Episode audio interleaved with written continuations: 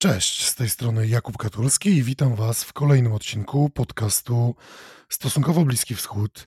E, trochę w ostatnim czasie podcast zaniedbałem, niestety nie miałem tyle czasu, ile chciałbym mieć.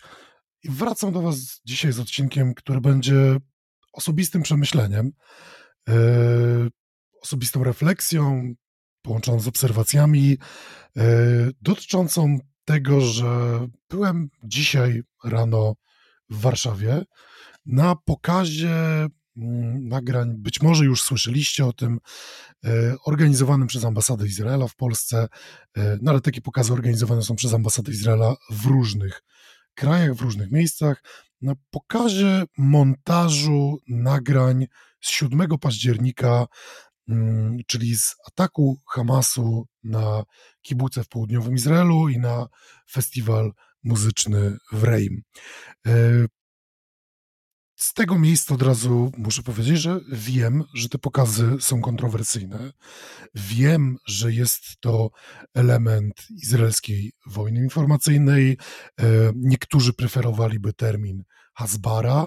E, Hasbara, czyli właśnie ta izraelska dyplomacja publiczna, wyjaśnienie, jak się tłumaczy ten termin, czyli izraelska strategia stosowania informacji, żeby przekonać e, opinię publiczną, żeby przekonać polityków, dziennikarzy do mm, izraelskiego spojrzenia na sprawy.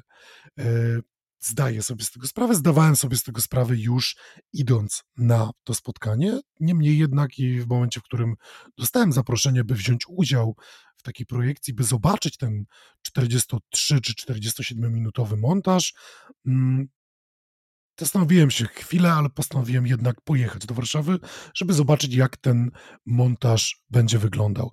E, no i podzielę się z Wami spostrzeżeniami, podzielę się z Wami informacjami o tym, co było, jak zorganizowana była ta projekcja. Nie będę dzielił się szczególnie treścią nagrań, e, treścią tego 43-minutowego filmu. E, jeśli jesteście zainteresowani tym, co w tym filmie można zobaczyć, to z góry Wam powiem, że e, nie będę szczegółowo opisywał tego, co na nagraniach jest, ale do tego przyjdziemy za chwilę. Projekcja przebiegła w taki sposób, że zaproszeni dziennikarze, no i nie tylko dziennikarze, ale przede wszystkim jednak, jednak dziennikarze, publicyści, w liczbie łącznie około 25 osób, na moje oko może 30 osób zaproszonych na salę. Mm, zgromadzili się w hotelu w Warszawie. E, zostały nam zabrane e, telefony, urządzenia rejestrujące, komputery, e, których na czas całego wydarzenia już nie zobaczyliśmy, więc nasze urządzenia były w rękach izraelskiej ochrony, personelu ambasady też wywołało pewne kontrowersje w zakulisowych rozmowach między dziennikarzami, czy powinniśmy się na to zgadzać, żeby te urządzenia mm, no, zniknęły z naszych oczu, czy może jednak nie powinniśmy na to zgadzać. Niemniej jednak był to warunek, y, żeby wziąć udział w tej projekcji. Warunkiem było oddanie swojego urządzenia personelowi ambasady. Tak też zrobiłem, e, nie bez pewnych obaw i do teraz mam pewne obawy dotyczące e, mojego urządzenia, które, e, na którym nagrywam ten podcast dla Was. Mm, niemniej jednak e, to się zdarzyło. Zaraz później, mm, po kilku minutach zakulisowych rozmów, rozpoczęło się całe wydarzenie od mm, prezentacji ambasadora. Ambasador Jakow Liwne opowiedział trochę o kontekście, o tym, co, czy może o izraelskiej percepcji kontekstu e, trwającej w tym momencie eskalacji konfliktu między Izraelem a Hamasem. E, prezentacja mm, opierała się trochę na tym, żeby pokazać, jak Izraelczycy ten konflikt widzą.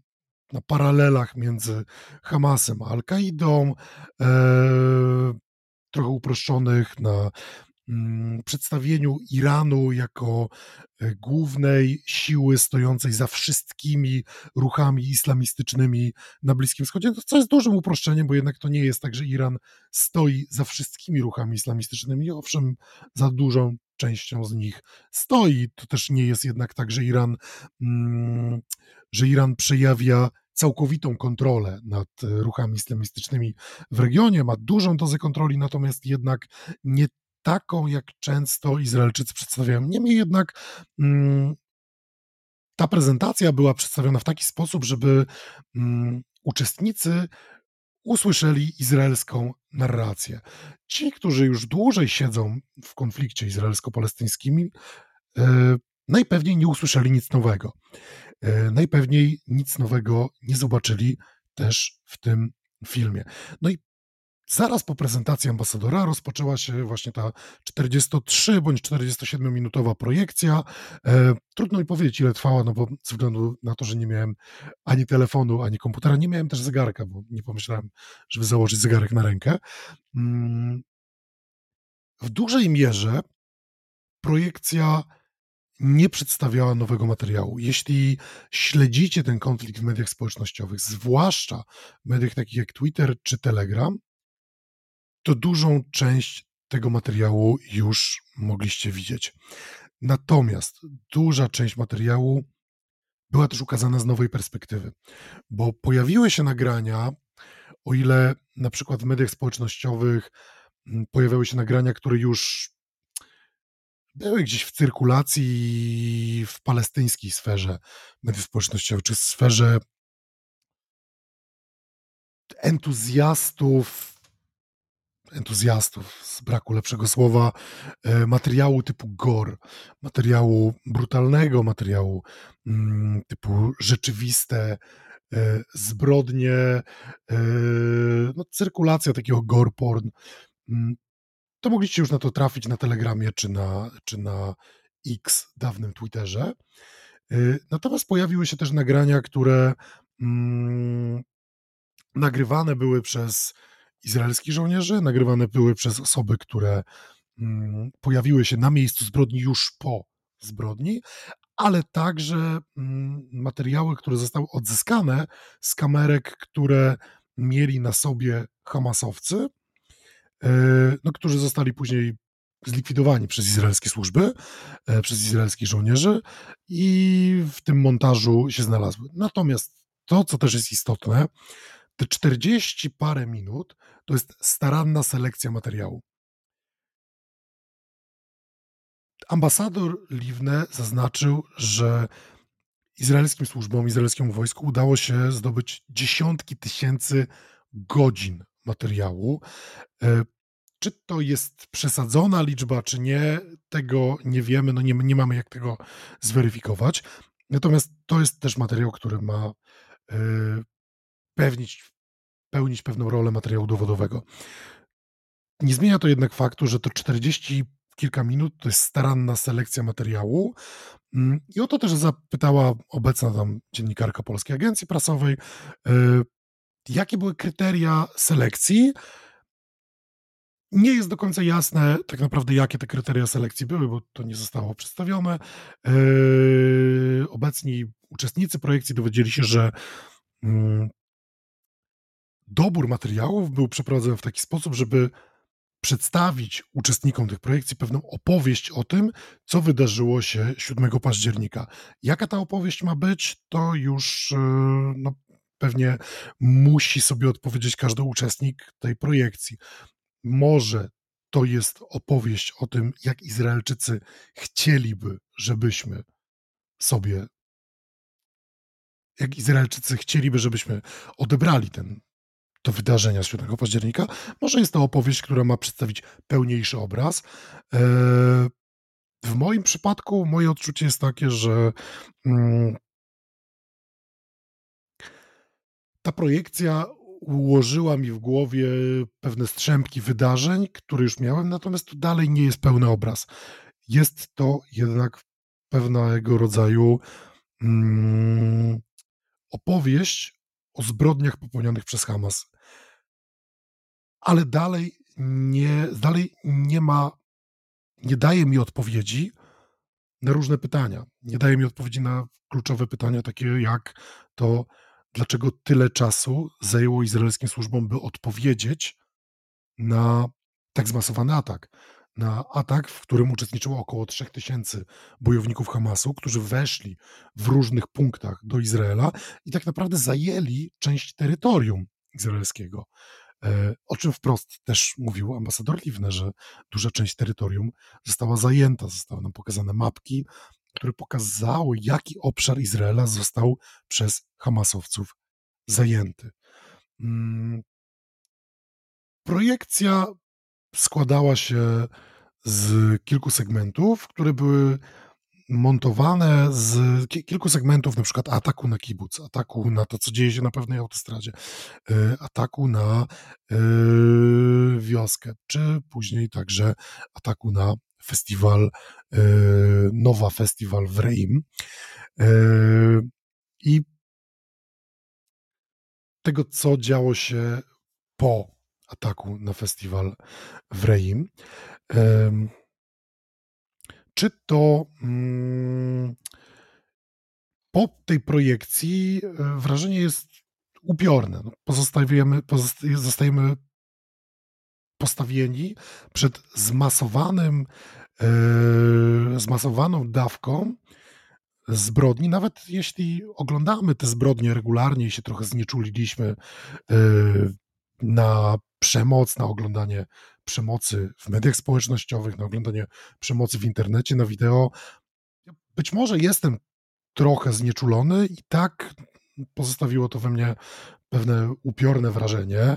Eee, ci z Was, którzy mnie już znają, obserwując moje media społecznościowe, wiedzą, że mam miękkie serce do psów.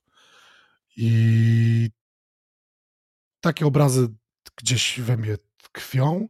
E, nie, nie będę oczywiście dzielił się tutaj całkowitymi przemyśleniami, całkowitymi mm, streszczeniem tych obrazów. Natomiast jeśli chcecie to zobaczyć, no to odsyłam was rzeczywiście na X, odsyłam was na Telegram, gdzie tych nagrań jest bardzo dużo w cyrkulacji, co nie zmienia faktu, że po projekcji pozostał czas na pytania i odpowiedzi. Ambasadora Liwny już nie było z obserwującymi, natomiast była wiceambasadorka Shani Tayyar i był e, atasze obrony Izraela w Polsce, pułkownik e, Idan Katz. I oni mm, dostali kilka pytań od publiczności, między innymi padło dość istotne pytanie, wydaje mi się, że chyba najważniejsze pytanie w kontekście tej projekcji. I to pytanie zadał z sali izraelski dziennikarz. Jaki jest właściwie cel tych projekcji? Czy te projekcje Yy, jaki ma być pożądany efekt widziany przez izraelskie władze, czy to ma na celu rzeczywiście kogoś przekonać, czy, czy jednak może jest to przekonanie nieprzekonanych. No i wiceambasadorka Tajar, zastanawiając się przez chwilę nad tym, udzieliła odpowiedzi, która e, brzmi, że chcieliby, izraelskie władze chciałyby, żeby ludzie komentujący i obserwujący ten konflikt byli bardziej doedukowani. Natomiast nie jestem przekonany, czy te projekcje mogą rzeczywiście spełnić taki cel. Dlatego, że są to jednak zamknięte projekcje dla starannie wyselekcjonowanej grupy dziennikarzy, polityków, aktywistów, yy, aktyw członków gmin wyznaniowych żydowskich, członków społeczności żydowskiej. W dużej mierze są to osoby w pewnym sensie już przekonane do tego konfliktu. E, część obserwujących e, no, na sali byli dziennikarze, których ja znam, którzy się od lat zajmują tym konfliktem, mają ugruntowaną pozycję, mają ugruntowane opinie, mają przemyślenia wynikające z lat doświadczeń pracy. Są to dziennikarze, którzy od lat piszą. E, ja się tam znalazłem, dlatego że od kilku lat piszę do ogólnopolskich mediów o konflikcie izraelsko-palestyńskim i nie tylko. Byli dziennikarze, którzy pis piszą o tym konflikcie o wiele dłużej niż ja. Byli członkowie społeczności, którzy pewnie mają już jakieś swoje też przemyślenia. E, nie jestem pewien, czy przedstawianie tego nagrania tak starannie wyselekcjonowanemu gronu może przynieść skutek taki jak właśnie przekonanie kogokolwiek do racji Izraela i czy rzeczywiście pokazanie okrucieństw Hamasu, pokazanie tego, że no mamy dowody na to, że Hamas popełnia zbrodnie wojenne, to, że Hamas 7 października brał na cel cywilów, brał zakładników, co jest zbrodnią wojenną, wykorzystywał cywilów jako tarcze wojenne, jako, jako ludzkie tarcze. Czy to, że mamy dowody na zbrodnie wojenne Hamasu, w jakikolwiek sposób może przekonać opinię publiczną do tego, że Izrael ma rację, dokonując ataku odwetowego na e, strefę gazy. Tutaj istotne jest też to, że izraelscy dyplomaci zaznaczyli, że tu nie chodzi o zemstę w ich percepcji, tylko tutaj chodzi o walkę o naszą przyszłość. No i rzeczywiście trudno się z tym nie zgodzić. Chodzi o walkę o to, jak będzie wyglądała przyszłość Izraela i jak będzie wyglądała przyszłość Palestyńczyków. Jeśli Izrael rzeczywiście zdecyduje się zająć całą strefę gazy i przejąć kontrolę nad gazą na czas nieokreślony, mamy sytuację, yy, to, to tak, ta wojna jest wojną o przyszłość Izraela. Czy to jednak znaczy rzeczywiście, że w, organizując niewielkie projekcje, yy, sprawimy, Izrael sprawi, że mm, opinia publiczna, która w dużej mierze chyba mm, przejawia raczej, ra, raczej jest propalestyńska z moich obserwacji w tej, w tej chwili. Obserwuję, opinia publiczna wypowiadając się o tym konflikcie, raczej skłania się ku temu, że to Palestyńczycy są przede wszystkim ofiarami tego konfliktu, a nie Izraelczycy. Czy projekcje dla zamkniętych, niewielkich grup dziennikarzy mogą to zmienić? Szczerze mówiąc, wątpię. Natomiast. Yy, odpowiedzi dostarczane przez e, izraelskich dyplomatów no też dają pewien obraz tego, jaka jest izraelska narracja. E, istotne pytanie od innego dziennikarza, też zaprawionego w tych bojach izraelsko-palestyńskich, e, o to, czy materiał zbierany, który jest tak naprawdę materiałem jakości sądowej, jest materiałem dowodowym, który może być przedstawiony w sądzie i być wykorzystany no, do założenia, zbudowania sprawy przeciwko Hamasowi, przeciwko palestyńskim władzom, sprawy, która być może mogłaby przechylić taką szalę zwycięstwa tego sądowego, zwycięstwa prawnego e, na rzecz Izraela. E, czy rzeczywiście Izrael wykorzysta ten materiał dowodowy po to, żeby przedstawić go przed Międzynarodowym Trybunałem Karnym, może Międzynarodowym Trybunałem Sprawiedliwości, może jakimikolwiek innymi międzynarodowymi instytucjami e, w taki sposób, by przekonać te instytucje, by, by, by sądzić się przeciwko Palestyńczykom. E, I wiceambasadorka Tajar powiedziała, że jej zdaniem, czy zdaniem Izraela, taka jest optyka Izraela, mm, społeczność międzynarodowa w nieodpowiedni sposób e, pozycjonuje się w tym konflikcie e, i e, tak naprawdę nie robi tego, co jest w jej, co powinno być jej zadaniem. I na przykład, e, kiedy społeczność międzynarodowa, zdaniem Izraelczyków, mówi o kobietach, o kobietach, które są ofiarami przemocy seksualnej, to mówi, że wszystkie kobiety powinny być bezpieczne, no ale zdaniem tutaj izraelskich władz. Za mało podkreśla się to, że izraelskie kobiety też są kobietami i im się też to bezpieczeństwo mm, należy. To jest istotne, żeby przyjrzeć się tej percepcji izraelskiej i yy, to, co można wyciągnąć z takich projekcji, to to właśnie, jak Izraelczycy chcą budować sprawę. Tylko, że także dzisiaj media społecznościowe zalewane są obrazami ofiar po stronie palestyńskiej, ofiarami, obrazami ofiar przemocy po stronie palestyńskiej, a także zalewane są obrazami y, pewnych aktywności y, Izraelczyków w mediach społecznościowych, które po prostu szydzą z Palestyńczyków, szydząc z tego, że domy w gazie teraz nie mają prądu, prezentujące to, że, że nie ma tam wody. Na pewno widzieliście te materiały w mediach społecznościowych, bo no, media społecznościowe w tym momencie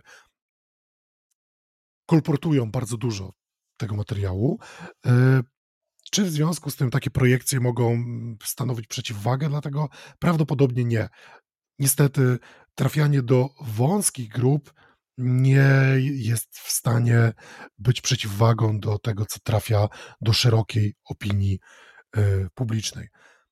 Co dalej więc? Możecie zapytać, co dalej z tym konfliktem? Bo to jest też bardzo istotne pytanie, y, które mi się nasunęło. Y, kiedy ja oglądałem ten konflikt, no to widziałem tak naprawdę efekt, kiedy ja oglądałem tą projekcję, widziałem efekt wielu dekad dehumanizacji. To jest dokładnie to, to jest efekt wielu dekad tłoczenia Palestyńczyków, dużą część Palestyńczyków, propagandy dehumanizacji Żyda, tego, że Żyd nie jest człowiekiem, Żyd jest wrogiem, Żyd musi zostać zabity, Izrael nie jest państwem, jest syjonistycznym bytem. I w dużej mierze Palestyńczycy, nie chcę tutaj unieważniać racji palestyńskiej walki narodowo-wyzwoleńczej, ale te lata dehumanizacji skutkują właśnie tym, że mamy bojowników brygad Al-Aqsa, brygad Kasam, którzy wchodzą do Izraela, wchodzą do cywilnych wiosek, tak, wchodzą do kibuców i dokonują egzekucji na cywilach, kobietach, dzieciach, zwierzętach domowych i odczytują to jako zwycięstwo. I teraz ta dehumanizacja działa w dwie strony, bo trudno byłoby mi być uczciwym, jeśli nie, powie, jeśli nie powiedziałbym, że przecież Izraelczycy również dehumanizują Palestyńczyków. Robią to w inny sposób, owszem. E, Izraelczycy pokazują, jak e, palestyńskie dzieci uczone są w przedszkolach, e, tak by nienawidzić Żydów. I tak, no, tak jest. Dzieci w gazie uczone są w przedszkolach tego, by nienawidzić Żydów, by do Żydów, e, że bohaterem jest ten, kto do Żydów będzie strzelał. Ale przecież Izraelczycy także tych Palestyńczyków dehumanizują, nie widzą w nich człowieka, widzą w Palestyńczyku przede wszystkim terrorystę. Możemy tutaj dyskutować o tym, co miał na myśli izraelski minister obrony, kiedy użył przeciwko Hamasowcom sformułowania Ben Hayot Adam, tak, że ludzkie zwierzęta, ludzkie bestie, tak, czy to jest dehumanizujący język, czy nie, czy to jest język, który zauważa, że to są ludzie, czy to jednak jest język, który stwierdza, że to jakieś zwierzęta dokonują zbrodni. I po pierwsze, trudno się dziwić, że w tej sytuacji taki język został użyty. Obserwując to, co działo się 7 października, trudno jest mieć obserwację, że że tego dokonali ludzie, tak? No ale jednak, no tak, no dokonali tego ludzie. I wzajemna dehumanizacja stron to jest dość trudna rzecz, którą w tym momencie mówię, dlatego być może się trochę gubię i być może zostanę wyklęty przez to, co mówię. E, pewnie się to nie spodoba obu stronom, ale ta wzajemna dehumanizacja powoduje, że nikt nie będzie zainteresowany rozwiązaniem tego konfliktu. Jeden z przejawów takiej dehumanizacji e, dwóch stron jest niedawny przypadek Juwala Kastelmana. Juwal Kastelman w ubiegłym tygodniu w Izraelu może nie zapobiegł, ale zlikwidował dwóch terrorystów Hamasu, którzy dokonali zamachu terrorystycznego podczas zawieszenia broni w Izraelu, atakując na przystanku autobusowym e, cywilów czekających na autobus. Kastelman, z, będący cywilem, 37-letnim prawnikiem, z własnej osobistej broni zastrzelił dwóch bojowników Hamasu, którzy strzelali do cywilów. Hamas wziął odpowiedzialność za ten atak, powiedział, że jest to naturalna odpowiedź na że jest to naturalna odpowiedź na zbrodnie popełniane przez okupację w strefie gazy. Natomiast na ten przystanek autobusowy przyjechało dwóch izraelskich żołnierzy, w tym Aviat Fridża, izraelski żołnierz w tym momencie poza służbą, który to nie będąc na służbie, razem ze swoim kolegą udał się na ten przystanek i zobaczył właśnie Juwala Kastelmana, który strzelał do Hamasowców. Kastelman odrzucił swoją broń, uniósł rękę, ręce w górę, zrobił wszystko, by można było go zidentyfikować. Przemówił po hebrajsku do żołnierzy, mówiąc, że prosi, żeby nie strzelać, że jest Izraelczykiem. Mimo to Aviat Fridża otworzył do niego ogień i go zastrzelił. Dzisiaj jest już aresztowany. Zajęło to kilka dni, żeby policja wojskowa aresztowała Aviada Fridża. E, natomiast dlaczego? Sprawca jest y, związany z tak zwaną młodzieżą ze wzgórz, czyli ze skrajnie prawicową frakcją osadników, być może nawet squattersów, jak to czasami się mówi, którzy osiedlają się na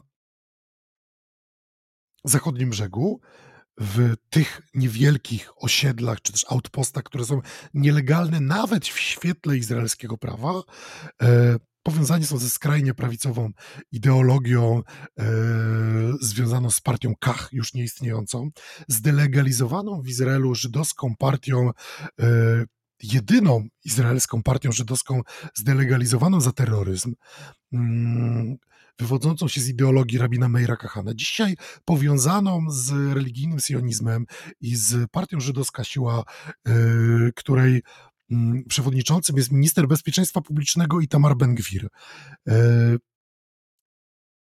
I uważa się, że po prostu dehumanizacja postąpiła tak daleko, że oni nawet nie czekali na to, nie, nie zatrzymali się, żeby pomyśleć, czy Kastelman rzeczywiście jest Izraelczykiem, tylko zapaleni do tego rzeczywiście Młodzież ze wzgórz jest znana z ataków na, palestyński, na palestyńskich cywilów na zachodnim brzegu, zapaleni do tego, by rzeczywiście wziąć udział, żeby przysłużyć się do walki, po prostu zlikwidowali Kastelmana, widząc go jako zagrożenie, nie zastanawiając się, czy on rzeczywiście jest Izraelczykiem, tylko uznając, że jest Palestyńczykiem, którego trzeba wyeliminować, bo nie widzieli w nim już człowieka, widzieli w nim po prostu wroga.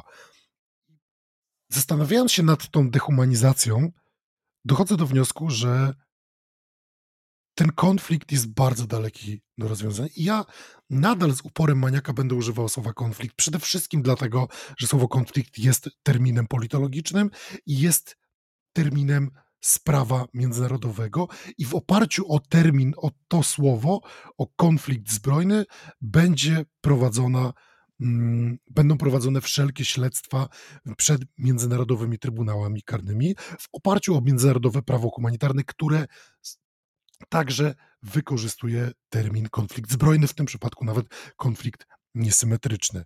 Tak, z uporem Majaka będę używał terminu konflikt i zachęcam Was też do używania słowa konflikt, dlatego że jest ono dość precyzyjnie określone. Wcale nie jest to eufemizmem, jak pewna część aktywistów w tym momencie chciałaby ująć, odejmując jakby, e, wyjmując z ram prawa międzynarodowego to, co dzieje się w tym momencie między Izraelem a Palestyną. Tak. Prawo międzynarodowe stosuje termin konflikt. Konflikt nie powoduje, stosowanie terminu konflikt wcale nie powoduje, że mówimy tutaj o sporze dwóch równych siłą stron. Absolutnie nie. Żadna definicja konfliktu nie zakłada, że to musi być spór rozwiązywany polubownie między dwiema równymi sobie siłami. To, co jest jeszcze istotne, moim zdaniem, to to, że w toku tej całej dehumanizacji żadna ze stron nie będzie skora rozwiązać tego konfliktu. Ani rozwiązaniem dwupaństwowym, ani proponowanym ostatnio e, w kręgach propalestyńskiej lewicy rozwiązaniem jednopaństwowym. Nie jestem w stanie sobie wyobrazić, że w momencie, w którym dwie strony, kilkanaście milionów mieszkańców tego obszaru, mieszkańców Gazy, mieszkańców Izraela, mieszkańców zachodniego brzegu, w momencie, w którym tak głęboko postąpiła w nich, postąpiło w nich przekonanie, że druga strona nie jest człowiekiem, będzie skora do tego, by żyć ze swoim wrogiem w przyszłości w jednym państwie w warunkach pokoju. W tym momencie mamy kilkanaście milionów ludzi, którzy będą wymagali zbiorowej terapii, która się nie zdarzy. To się nie zdarzy. Po prostu rozwiązanie jednopaństwowe i rozwiązanie dwupaństwowe dzisiaj najprawdopodobniej będą niemożliwe. I mówię to z bólem, bo mówię to jako osoba, która dawniej wierzyła w rozwiązanie dwupaństwowe, później być może wierzyła nawet w jakieś rozwiązanie jednopaństwowe.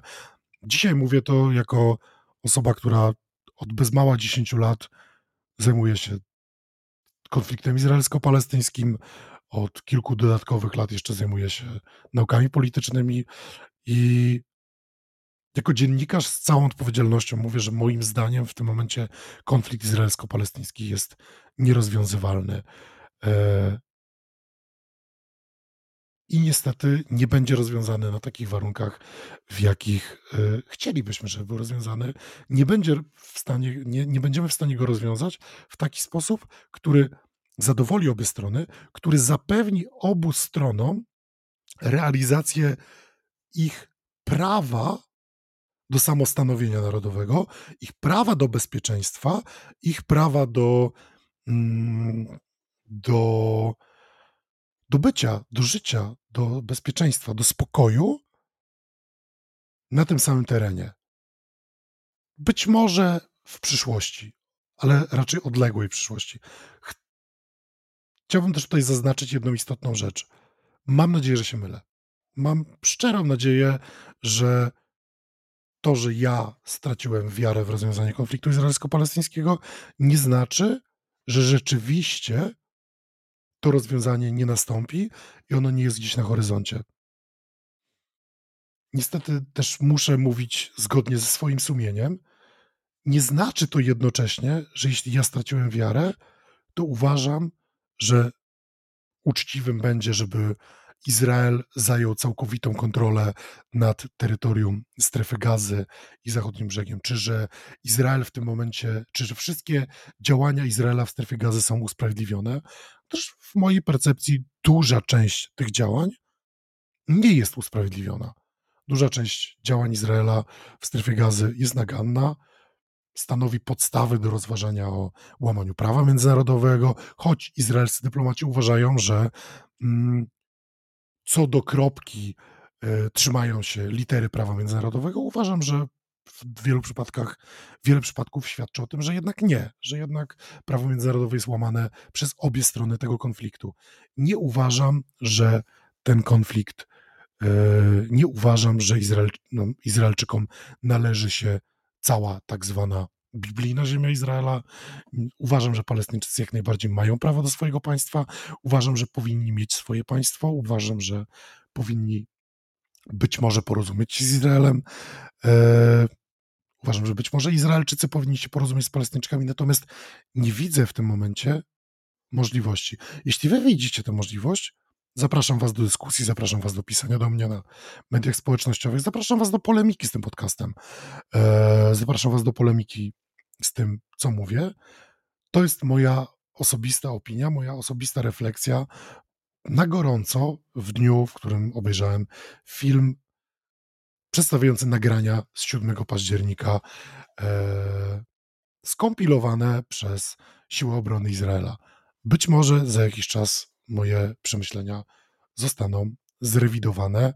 Natomiast chciałbym, żebyście wzięli pod uwagę, słuchając tego, że jest to rzeczywiście moja osobista opinia, zgodna natomiast w tym momencie z moim sumieniem. Dziękuję Was bardzo, że wysłuchaliście tego podcastu. Jednocześnie zapraszam Was na moją stronę katulski.substack.com, gdzie możecie czytać moje teksty. E, no i jeśli uważacie, że moja praca w jakikolwiek sposób jest wartościowa, przydatna, zapraszam Was, żebyście może zdecydowali się na wsparcie mnie na e, Patronite stosunkowo Bliski Wschód, wspierając mnie na Patronite. Możecie też dostać dostęp do mm, Substacka, nie musicie wcale pełnego dostępu do mojego Substacka uzyskiwać przez Substack, możecie go otrzymać wspierając mnie na Patronajcie. E, możecie też, jeśli uważacie, że wsparcie jednorazowe jest łatwiejsze, wygodniejsze, możecie wejść na buycoffee.to łamane na stosunkowo Bliski Wschód i w taki sposób też wesprzeć moją pracę. E, to jest metoda najłatwiejsza, najszybsza, nie wymaga rejestracji logowania, więc do tego Was zachęcam. No i oczywiście zapraszam Was do śledzenia tego, co będzie się pojawiało w tym podcaście w przyszłości. Dziękuję Wam bardzo i do usłyszenia już niebawem. Cześć.